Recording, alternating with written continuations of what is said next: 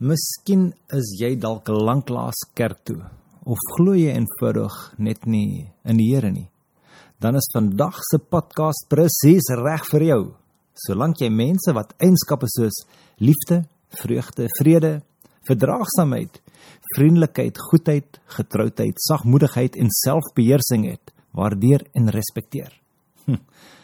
Dankie dat jy by ons aangesluit het op vandag se episode van Beter Besluite Minder Hartseer. In vandag se episode sal ons daarna streef om inhoud te verskaf wat jou sal help om beter besluite te neem en seker te maak jy eindig waar jy wil wees in jou lewe of dat jy nie daar aankom waar jy definitief weet jy nie wil wees nie. Liefde, vreugde, vrede, verdraagsaamheid, vriendelikheid, godheid, getroudheid, sagmoedigheid en selfbeheersing. Ek moet eerlik wees, ek sukkel met baie van hierdie punte. Liefde. Nou ja, Laat ons eerlik wees. Vanoggend, toe daar niks in die huis was om te eet nie, die kombuis is leeg en iemand voor my het die laaste koffie gedrink, toe voel ek nie baie liefde nie. Vreugde. Dalk as jy by die werk instap en die nors medewerker sien, jy sien hom net nie, definitief geen vreugde nie. Vrede? Ja, ek wil vrede hê, maar weet jy wat tussen ons? My buurman, hy soek moeilikheid met my. Verdraagsaamheid. Nou ja. Ek het nou net verduidelik, dit is my buurman se skuld en my selfbeheersing het ek verloor toe die ou in die wit voertuig my parkeerplek by die winkels voor my weggesnap het. Dalk ken jy dit. Ek hoop ten minste sommige van julle weet dit of is ek die enigste een. So, wat doen ons as ons dit ons daaglikse scenario is as ons meer dae het waar ons kwaad word, selfbeheersing verloor? Wat doen ons? Ons wil goed en gaaf en vriendelik wees, maar dit lyk asof ons die teenoorgestelde doen. Wat maak ons? Ek dink nie daar is veel wat ons, ek of jy kan doen nie. Ons het eenvoudig hulp nodig. Wel dankie tog. Jesus het gesê hy sal vir ons 'n helper stuur. Bly op hoogte, luister mooi want dit is baie goed, veral as jy hiermee sukkel. Wie of wat is die Heilige Gees? En dit is interessant dat die Heilige Gees reg deur die skrif nie 'n persoonlike naam soos Yahweh of Immanuel gegee word nie, maar slegs in terme van sy werk beskryf word. Miskien het daai weglating sommige daartoe gelei om aan die Heilige Gees te dink as 'n krag, 'n krag of 'n invloed, een of ander entiteit minder as 'n persoon. Nou die Heilige Gees het nie 'n fisiese liggaam nie, dis wat dit in die Bybel sê, maar beskryf eerder eienskappe, eienskappe en handelinge. Dit is wat die Bybel oor die Heilige Gees sê. Hy dink en voel 1 Korintiërs, hy besluit ook 1 Korintiërs, hy praat Johannes 15, hy leer Johannes 14, hy tree vir ons in Romeine 8, hy help om ons swakhede bemagtigde sterkpunte te maak. Wow, dit is iets fantasties. Hy lei en daar kan vir hom gelieg word, beledig word, bedroef en teëgestaan word. In die Nuwe Testament kom die Heilige Gees persoonlik na ons toe om Christus in elke gelowige te verheerlik terwyl hy werk om God se familie op die aarde te skep. Dit wil sê, die kerk as God se huishouding.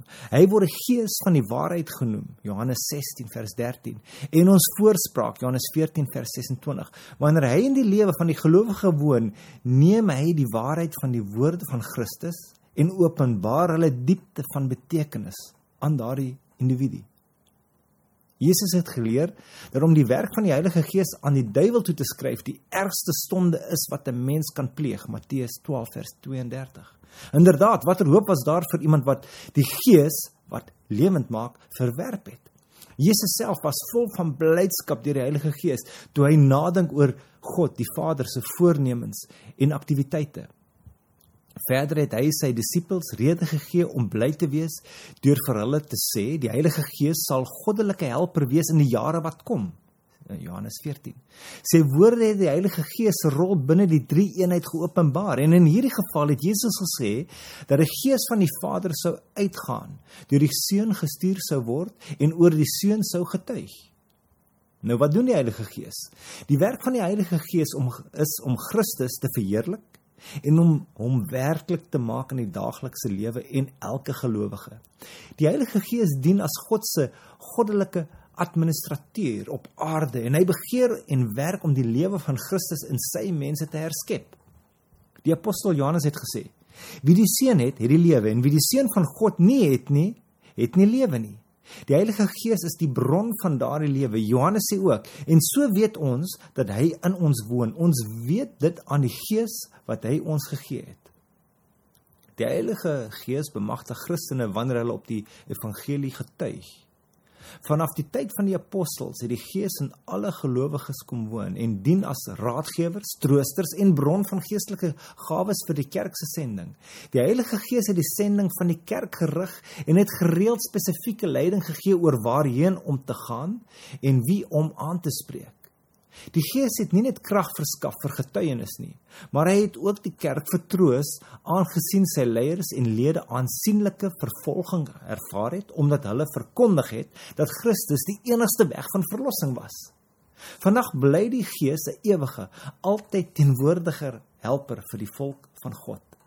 Sy teenwoordigheid is die waarborg van die gelowiges se finale verlossing en ewige erfenis in die hemel. Paulus se skrywe oor die vrug van die Gees word gevind in Galasiërs.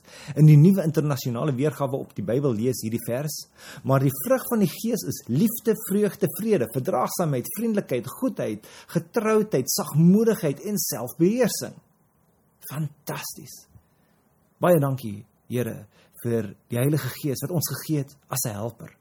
Dat ons deur die lewe kan stap en na die Heilige Gees kan roep. Baie dankie dat jy na vandag se program op Beter Besluite minder hartseer geluister het. As jy voel daar is iemand wat daarna moet luister, deel dit asseblief. Die inhoud wat in hierdie podcast gebruik word, is gebaseer op verskeie bronne van Christelike bedieninge. My naam is Haiku. God seën jou en onthou, aanhouer wen.